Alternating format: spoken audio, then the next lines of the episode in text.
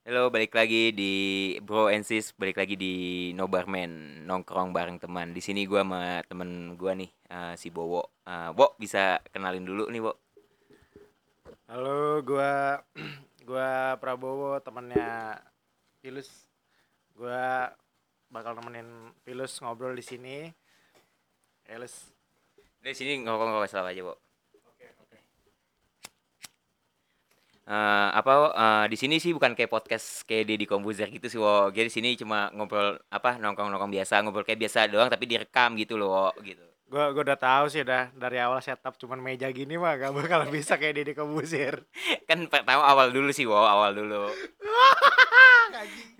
Eh, di sini nongkrong jadi gua nggak nanya-nanya lu wo jadi kita timbal balik aja kayak no- kita ngobrol biasa nongkrong gitu loh wo nah gitu loh oke siap dimulai gak nih Ya, ya, Oke. oke Eh, kan nih gue tahu nih. Di- dia ini punya bengkel nih si Bowo ini punya bengkel. Oh, oh. Sorry, sorry, sorry. Itu bengkel bukan punya gua tapi bengkelnya itu gua yang ngejalanin. oh gitu. Oke oke. Pokoknya dia kerja di bengkel gitu lah. Ibaratnya dia ya sama aja kayak lu punya lah gitu loh. Tapi kan lu yang jalanin juga. Sama aja sih menurut gua. Rumah rumah lu gitu. Oke.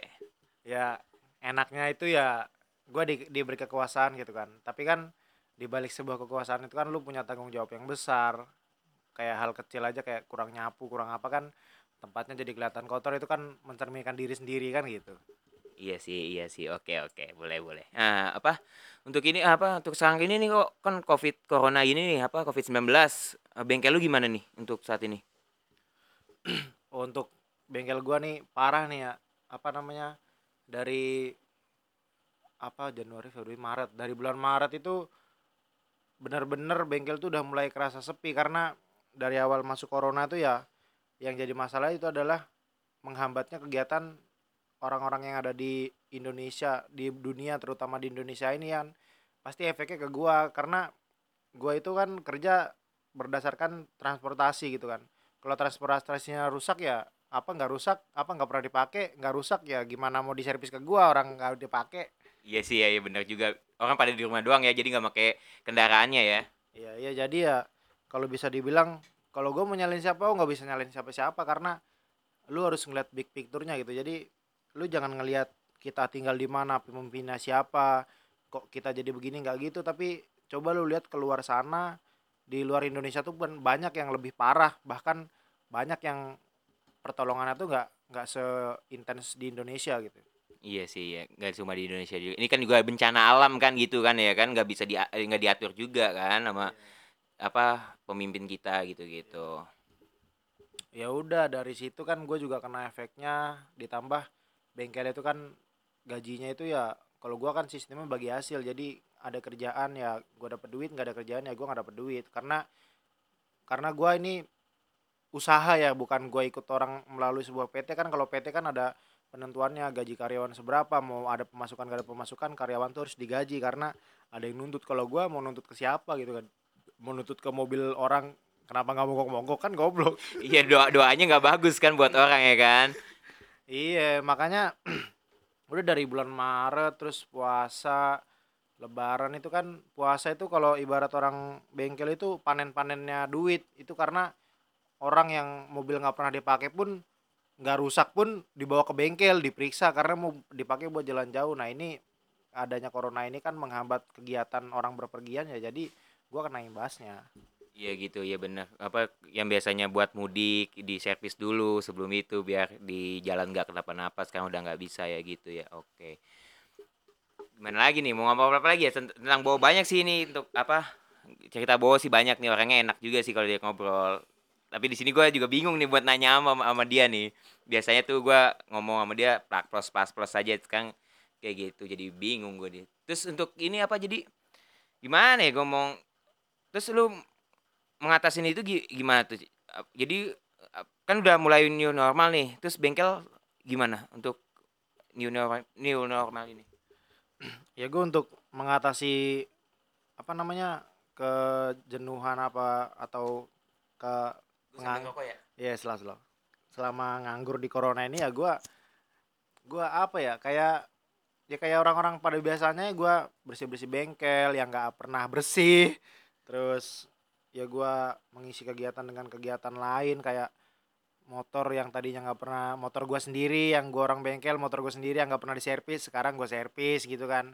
Jadi lebih ada perhatian ke sesuatu yang lain. Jadi positifnya kita dirumahkan itu ada positifnya. Jadi kita lebih perhatian ke sesuatu yang tidak pernah kita perhatikan gitu Oke oke oke, boleh boleh boleh. Jadi lu jadi banyakan waktu luang ya jadi ya di bengkel itu ya. Jadi bisa santai dulu gitu sambil nyantai. Kan biasanya lu sibuk nih kalau gua ke, ke rumah lu juga lu lagi bongkar-bongkar mobil. Nih pas gua ke rumah lu pas corona ini lu jadi lagi santai, lagi nyebat, ngopi gitu-gitu kan.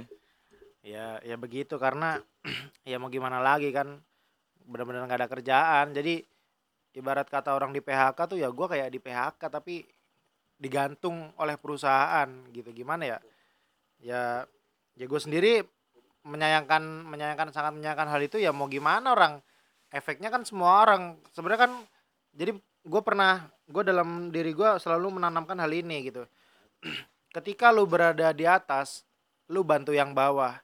Tapi ketika lu merasa lu susah teruslah ke atas gitu jadi gimana ya jadi ketika gua apa namanya ketika gua nggak ada kerjaan tuh gua mikirnya ya masih banyak orang-orang yang nggak bisa makan yang ada kemarin di Tangerang tuh kan kalau nggak salah ada berita sampai dikeluarin dari kontrakan gara-gara nggak bayar gara-gara di PHK kan gitu ya gua gua turut prihatin lah tapi mau bantu gimana orang kondisi gue juga begini Iya kita sama-sama susah sih. Kita juga cuma sedih doang ya kan. Kita mau bantu, kita juga begini ekonomi kita ya kan. Terus eh, untuk ekonomi lu sekarang udah mulai stabil lagi nih berarti nih kan udah new normal nih.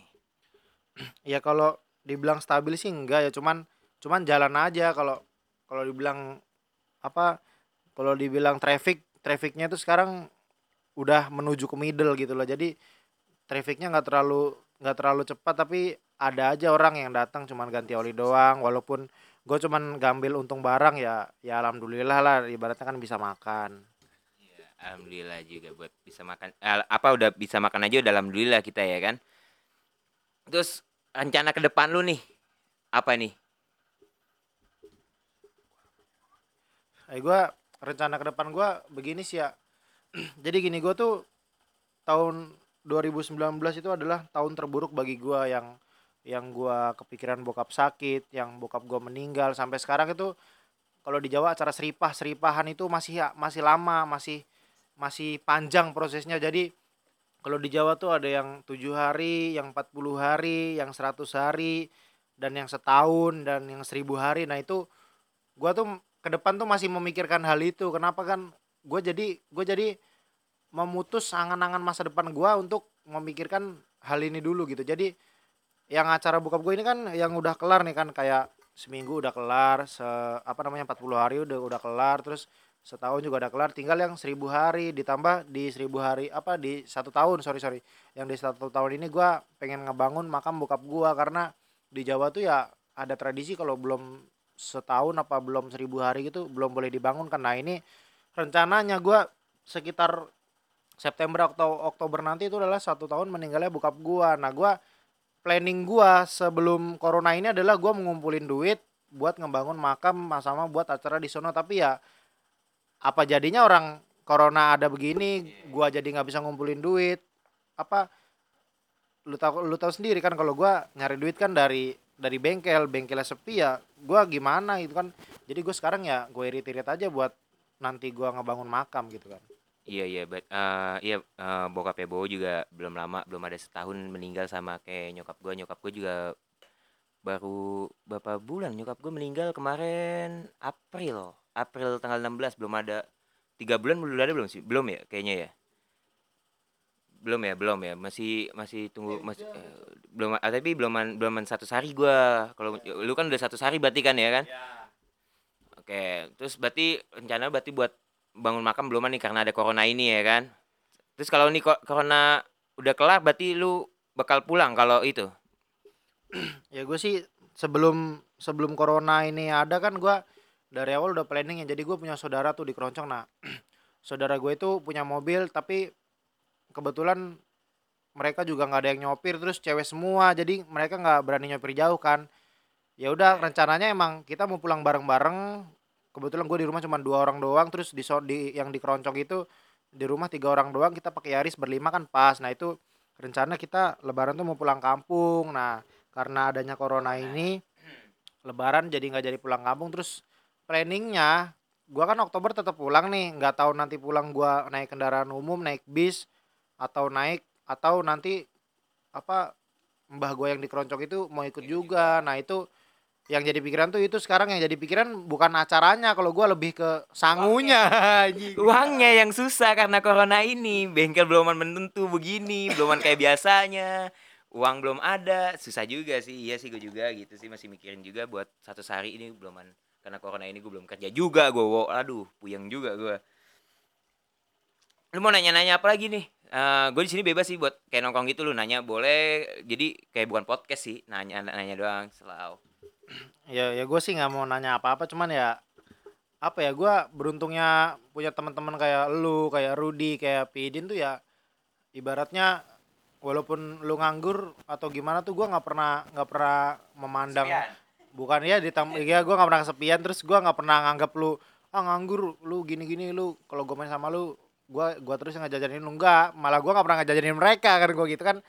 Gue tuh dengan dengan dengan adanya teman-teman gue tuh ya merasa bersyukur aja. Jadi yang tadi siang gabut malam bisa refreshing. Walaupun refreshingnya cuma datang ngobrol ngopi ngopi, udah gitu udah. gitu doang nggak nggak nggak nggak refreshing. Jadi kadang kadang apa ya ada harusnya gara-gara corona itu menghilangkan momen-momen yang harusnya gue lewatin bareng teman-teman gue gitu. Kayak ini kalau misalkan apa namanya udah nggak corona kita mungkin udah main ke puncak atau kita main ke mana main ke mana malam malam minggu nongkrong. Lah ini terhambat gara-gara ya kita mengikuti program pemerintah untuk tetap di rumah aja. Oke oke. Uh, tadi soal kan temen nih ya namanya temen kan kita juga harus begitu oh. temen lagi susah kita harus ada jangan adanya pas lagi senangnya doang gitu loh. Uh, terus kan ada nih di grup kita nih uh, soal dewasa nih kedewasaan nih. Kan semenjak itu ada tuh yang karena kita sering nongkrong mulu kita dianggap masih kecil masih anak bocah gitu pikiran kita nggak ada. Menurut lu dewa dewas dewasa itu menurut lu apa? Bagi gua apa ya sebuah kedewasaan nih menurut menurut gua nih. Kalau kalau gua bandingin dengan dengan ya yang kejadian di yang kita pernah alamin bareng-bareng itu kan nggak tahu pada lo pada meratin apa enggak. Kalau gue sih ya bagi gue sebuah kedewasaan itu tidak memikirkan tentang kehidupan orang lain. Beda ya memikirkan kehidupan orang lain sama peduli dengan orang lain tuh bagi gue ya, itu beda, itu beda. sesuatu yang beda. Ketika misalkan nih gue mikirin Pilus oh, si Pilus belum kerja gini gini. Ini itu namanya memikirkan kehidupan lah kehidupan orang lain. Kalau kalau peduli nggak begitu bunyinya. Kalau peduli tuh ya eh lu gimana lu nih gue ada locker nih buat lu nih lu mau nggak? Nah itu bagi gue sebuah kepedulian. Terus kayak dia lagi kesusahan ya kita bantu. Atau kesusahan nih gue jujurannya sama Pilus nih udah orangnya udah selos-selosan ya. Kalau dia kesusahan dalam dalam hal keuangan ekonomi ya kalau gue bisa bantu gue bantu. Kalau dia bisa ngasih saran eh wah ini gimana ya? Gue kasih. Jadi bagi gue sebuah kedewasaan tuh bukan apa-apa lu ngelakuin sendiri tapi gimana caranya lu bisa problem solver. Bukan tapi karena problem solver tuh nggak nggak nggak cuman di lakuin sendiri gitu ya. Jadi kayak lu minta saran dari teman terus menemukan solusinya bagi gue itu sebuah problem solved karena biar bagaimanapun kerja profesional tuh ada timnya. Jadi kalau lu nih gue gue mekanik gue mekanik pernah gue pernah kerja di Toyota ya di Toyota itu ada yang namanya kerja tim. Jadi kalau kalau lu di dalam kerja tim itu lu egois menemukan apa lu mengatasi problem itu lu sendiri lu troubleshooting sendiri itu tanggung jawab lu malah semakin besar. Jadi enaknya punya temen tuh ya lu bisa sharing bisa curhat ya gitu aja. Iya sih, gue juga setuju uh, dewasa ya, dewasa kan pilihan, tua itu pasti gitu loh. Tapi apa kalau menurut gue juga sama kayak Bowo dari kepedulian lu sama temen. Lu peduli apa enggak sama temen gitu. Lu kalau lu cuma ego kayak gitu gitu apa kita nongkrong di dianggap masih bocah mikirin kerja apa enggak mikirin kerja itu kan bukannya masih bocah sih. Apa namanya sih lupa gua. Apa gua aduh gua bingung nih bu. Biasa biasa gua lancar tentang dewasa dewasa gini. Uh, ada sih ya kayak uh, ngomong dewasa gitu tapi kayak lu temen lu lagi butuh lu nggak bisa bantu kayak gitu. Terus dewasa lu dengan lu ngomong lu dewasa lu nggak mau nongkrong dulu nggak mau nongkrong. Kan sebenarnya salah. Dewasa itu lu harus apa banyak banyakin nongkrong biar apa nyari pengetahuan sih menurut gua gitu. Jadi kadang gini ya kalau kalau bicara kedewasaan sebenarnya kita kan dalam ibarat kita dalam satu dalam satu circle gitu loh. Ibarat kita kita ikan cu ikan cupang lagi kan? Gua ya udah ibaratnya kita sebuah ikan yang bergerom yang hidup bergerombol dalam satu baskom gitu kan. Jadi ketika lu punya temen kesusahan kok lu bener-bener nggak ngerasa eh itu lagi kesusahan oh udah biarin aja. Nah itu bagi gue itu adalah orang yang belum berpikir dewasa. Karena apa? Orang baik tuh nggak bakalan kelihatan gitu loh. Jadi kadang ada orang yang di depannya kelihatan jahat tapi di belakang dia mensupport lu dengan cara mengizinkan lu apa terus dengan cara bilangin teman lu tuh teman lu suruh gini. Karena pertolongan orang itu nggak cuman dari orangnya langsung jadi ibaratnya kayak eh itu tuh si Pilus butuh duit. Kalau kalau misalkan gue lagi masak gue lagi marahan nih sama Pilus gue kesel sama Pilus tapi si Pilus butuh duit kata gue ya udahlah gue lewat Rudy aja nih Rud si Pilus katanya butuh duit nih bilang aja duit dari lu. Jadi bagi gue kedewasaan itu gitu loh. Kalau lu belum belum udah menganggap orang itu nggak dewasa nanti ketika suatu saat lu ketemu orang yang dewasa lu tuh kaget. Lu kok dia mikir sampai ke situ gitu kan. Jadi bagi gua ya lu perbesar circle lu perbesar wawasan lu. Jadi jangan jangan jangan hanya kita sekarang nggak pernah ketemu terus lu taunya gua story gua nongkrong nongkrong doang lu menganggap gua nggak dewasa. Padahal di di sisi lain gue juga gue juga udah memikirkan kepedulian teman gua memikirkan keluarga gua ya gua dan itu juga bukan masalah materi gitu kan. Kalau lu menganggap kedewasaan sebuah materi ya ya untuk untuk apa orang mengejar-ngejar materi? Karena bagi gua kedewasaan itu adalah sebuah sebuah capaian bukan sebuah sesuatu yang dikejar-kejar gitu. Kalau lu kejar-kejar materi nggak ada habisnya. Kalau lu mengejar kedewasaan ketika lu sudah dewasa lu udah lu udah sadar lu bakalan nge, nge mengejar itu semua gitu.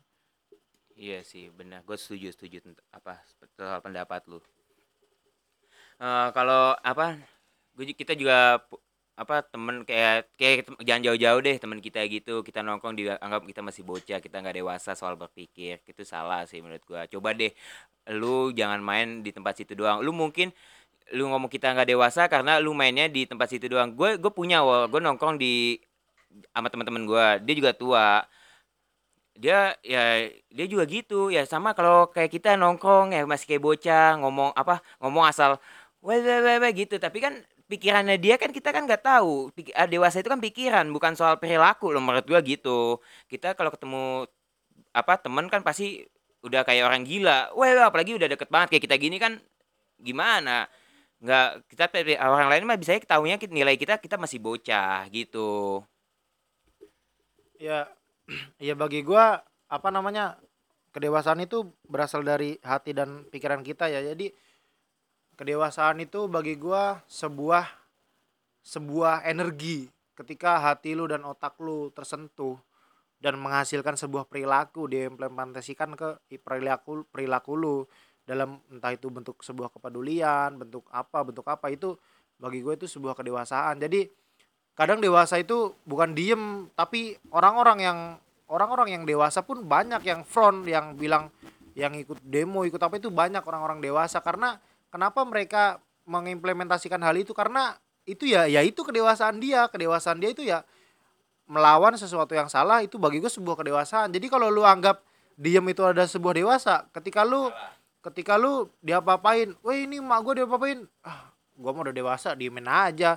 Ya kan itu bukan sebuah ya. bukan sebuah perilaku. Jadi yang namanya kedewasaan tuh ya bagi gue dari hati lu tersentuh dari otak lu. Jadi hati gua tersentuh wah gua harus ngebantu pilus nih. Otak gua langsung wah gimana caranya gua ngebantu pilus? Oh gua bang ngebantu pilus otak gua mentransfer dengan cara minjemin duit tapi lewat Rudy. Ya itu bagi gua itu sebuah kedewasaan. Jadi apa ya gua sampai saat ini pun gua belum menganggap diri gua dewasa. Karena kita tuh nggak tahu tolok ukur dewasa itu seberapa. Jadi orang lain yang lihat ya bener kalau kalau lu ngelihat gua belum dewasa berarti masalahnya ada dua antara gue yang gak dewasa atau lu cara melihat lu cara lu melihat gue yang gak dewasa gitu loh. Iya iya.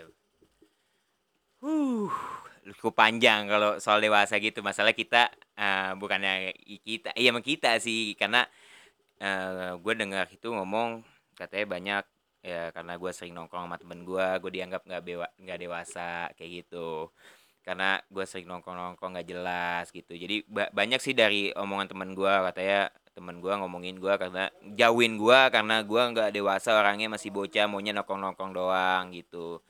Kadang-kadang suka eh, ya lu nggak pernah nongkrong sama kita lu nongkrongnya ya cuma di situ-situ doang nggak jauh gitu. Coba lu coba lu nongkrong jauh terus apa lebih dalam lagi perbanyak perkenalan deh jangan pertema apa jangan banyak kumpul-kumpul ah bukan kumpul-kumpul. Banyakin perkenalan jangan banyakin satu doang jangan cuma satu doang temen kayak gitu doang. Cuma ya itu lu cuma ya gitulah kocak lah. Lanjutin lah ya ibaratnya gini loh kalau kalau gua kalau gua menganggap apa ada orang yang ngejek ah si Boma bocah gini-gini kata gua. Dalam hati gua ya lu kenal gua lewat kuping bukan lewat mata gitu. Jadi apa namanya ini ini quotes dari gua gua dari dulu quotes banget nih. Lu lu tuh kenal gua dari kuping bukan dari mata gitu. Lu kenal dari apa yang lu denger bukan apa yang lu lihat gitu. Jadi dan bagi gua melihat ini bukan cuma lewat lewat mata doang ya. Jadi kata gua ya udahlah kata gua kalau lu nganggap gua gak dewasa ya. Kalau lu merasa nggak cocok nongkrong sama gua gara-gara sebuah kedewasaan yang menurut lu standar lu kedewas standar kedewasaan lu itu bukan karya gue ya ya lu gak usah main sama gue dan gue juga gak bakalan marah sama lu gitu kan. Itu hak lu lu main sama gue mau main apa gitu terserah lu. Hmm. Oke oke cukup dalam di sini. Komedi dikit lah apa nih komedinya nih? Serius serius mulu nih. Yang enak komedi komedi aduh eh aduh bingung nih bo. Soal komedi tadinya serius jadi dalam ngomongin bos cukup dalam sih menurut gue soalnya soalnya gue tuh orangnya mikir gitu kan ya gue ya gue walaupun gue goblok tapi gue mem memaksimalkan fungsi otak gue gitu kan. Jadi gue mekanik ya mekanik itu orangnya ini loh. Mekanik itu orangnya ideologis. Ketika ada se sebuah trouble di dalam sebuah mesin itu pasti ada ada sumber masalahnya. Jadi ketika ketika ada orang bilang eh si Bo nggak dewasa itu sumber masalahnya ada dua. Guanya yang nggak dewasa atau lu yang melihat guanya lu yang nggak dewasa terus lu melihat gua gitu. Jadi apa ya kalau lu gak bisa ngebimbing ngebimbing temen lu dengan cara kan kalau ngebimbing kan ibaratnya katanya nggak enak banget ya lu sih ya? Kalau yeah, ngebimbing yeah, yeah, yeah. ah itu mah itu gue yang bimbing. Itu seakan-akan kayak lu tuh mentor banget gitu kan. Bahkan gue ketemu orang-orang mekanik yang lebih tinggi dari gue pun mereka sharing sama gue itu nggak pernah mereka menganggap itu gue tuh yang ngebimbing itu gue yang ngajarin. Nggak pernah begitu. Dan gue pun begitu gue di bengkel gue kan dulu pernah ada anak PKL ya gue nggak pernah mengakui bahwa gue guru dia gitu kan. Kalau lo mau belajar ayo bareng gue gue apa yang gue tahu gue kasih tahu. Apa yang gue nggak tahu ya gue bilang nggak tahu kata gue ya kita berarti di sini kita jalan bareng-bareng. Jangan kita jadi seorang uh, raja. Kita jalan apa berjalan sebagai teman bukan sebagai apa bos dan karyawan. Gitu kan menurut lo maksud lo iya iya benar. Jadi ibarat sebuah persahabatan tuh itu ada elemennya ada kalanya setiap jadi elemen itu kan begini orang itu ibarat matematika tuh ada plus ada minus terus di tengah-tengahnya nol. Ada orang yang bener-bener minus di bagian ini ada orang yang plus di bagian ini ada yang nol bener-bener nol di bagian ini. Jadi lu tuh harus saling cover ketika ibaratnya gue bengkel aja nih gue punya temen motornya mogok. Ya gue bengkel kalau gue mau bantu ya gue bantuin dengan ilmu kebengkelan gue tapi kalau lu lu apa namanya lu ngebantu apa minta tolong gue soal soal apa lah soal IT atau soal makeup ya gue kagak tahu lah makanya makanya di sisi lain manusia dibilang apa disuruh untuk saling kenal mengenal tuh ya itu. Pentingnya bersosialisasi penting tuh buat sosialisasi apa sosialisasi. Ba pentingnya ngobrol teman dengan banyak begitu. Terus eh ya untuk soal pertemanan gue dulu tuh sama Bowo tuh kita kita crash kita apa kita beda beda kalau anak STM kita dibilangnya beda basis lah gitu. Gue kalau ngomongin pertemanan dulu gue sama Bowo tuh musuhan gue gitu. Tapi sekarang kita deket karena jalannya waktu jalan kita umur kali kita udah gede gitulah buat apa sih mendingan banyak perbanyak teman gitu itu dulu SMA gitu gitu uh, ngomong-ngomong soal SMA nih wo. Ada nggak? Kan yang yang udah-udah nih kayak Pidin Rudi. Selalu gua ngomongin tanya eh, soal soal persoalan tentang masa-masa SMA lu ada apa sih ada kenangan apa di SMA gue waktu di sekolah sih dulu kan gue gue tiga tahun ya sama sama Rudi sama lu sama Pidin tuh gue gue tiga tahun gitu kan. Jadi gue kenal mereka. Nah waktu gue di sekolah tuh gue kenal mereka lewat kuping gue bukan lewat mata gue jadi gue tuh bener-bener gak akrab tuh sama si Pilus waktu gue SMK ibarat kata nyapa aja jarang gitu kan. Ibarat gue nih mau ketemu Pilus gue mau lewat lorong ah di lorong ada Pilus gue lebih pilih puter jalan lewat jalan yang lain. Iya kita semusuhan itu dulu kita semusuh itu. Gue dulu semusuh itu mungkin itu karena mindset mindset gue dulu ya. Gue dulu waktu zaman sekolah tuh mindset gimana caranya gue datang tidur ranking satu. Kalau gue begitu. Kalau pilus gimana caranya? Sekolah lulus tanpa ngapa-ngapain. Itu gua itu gua. Nah ini yang ada kisah nih joroknya dia itu setiap gue tiga tahun sama dia. Tiga tahun sekolah dia nggak pernah mandi. Itu paling kayak pasti kalau ke sekolah ya kalau kita bawanya pelajaran gitu. Tapi kalau gue sih jarang. Eh apa kita bawa kayak gitulah buku dianya apa? Bawa sampo eh bukan bawa sampo bawa cuci muka bawa parfum bawa gosok gigi. Ya gua gue juga akan sebagai itu kan kadang gue suka sih lu ngapain sih bawa kayak gitu gituan eh pas usut punya usut ternyata dia selama tiga tahun itu dia nggak pernah mandi. Itu paling tai sih menurut gua. Ya gue bener ya kalau waktu itu di Instagram kan juga sempat ramai tuh bagi bagi apa guru itu kan sering banget tuh ngeraja rambut. Rambut itu tidak mempengaruhi kecerdasan seseorang termasuk mandi gitu kan. Jadi kalau lu nggak mandi juga lu pinter-pinter aja gitu kan. Ibarat kata lu mau sholat nih nggak ada air lu bisa bisa tayamum gitu kan. Nggak ada sajadah bisa cari tempat yang suci kan begitu. Intinya kan semua itu bisa dihandle dengan sedemi- sedemikian mungkin. Toh gua nggak mandi juga gua gua nggak mandi juga gua nggak nggak ganggu orang gitu kan. Masalahnya di kelas gua dulu ada tuh orang nggak pernah mandi kayak boyak kayak bobage anjing. Itu kemarin gue omongin sama si sama si Pidin podcast Pidin yang nggak ngawur itu jelas. Eh, bukannya masalah itu sih wo. Masalah ini joroknya wo. Gue paling jorok banget lu menurut ih, lu emang gak risih selama kan kita masuk jam 7 ya kita ya? Masuk jam 7 pulang jam 2 kan? Itu lu nggak risih kan kita? Kalau gua aja sih lengket menurut gua gitu apalagi kita baru bangun tidur kan? Ya gua ini tips dari gua ya kalau lu nggak mau mandi mau pas berangkat sekolah karena gua tipikalnya orang buru-buru ya bangun cuci cuci muka gosok gigi langsung berangkat gitu kan. Pakai seragam dulu seragam bahkan gua ngejadwal itu di malam sebelumnya. Jadi ketika pagi gua tinggal berang gua mau berangkat sekolah itu gua tinggal berangkat. Nah tipsnya adalah malam-malam lu jangan keringetan.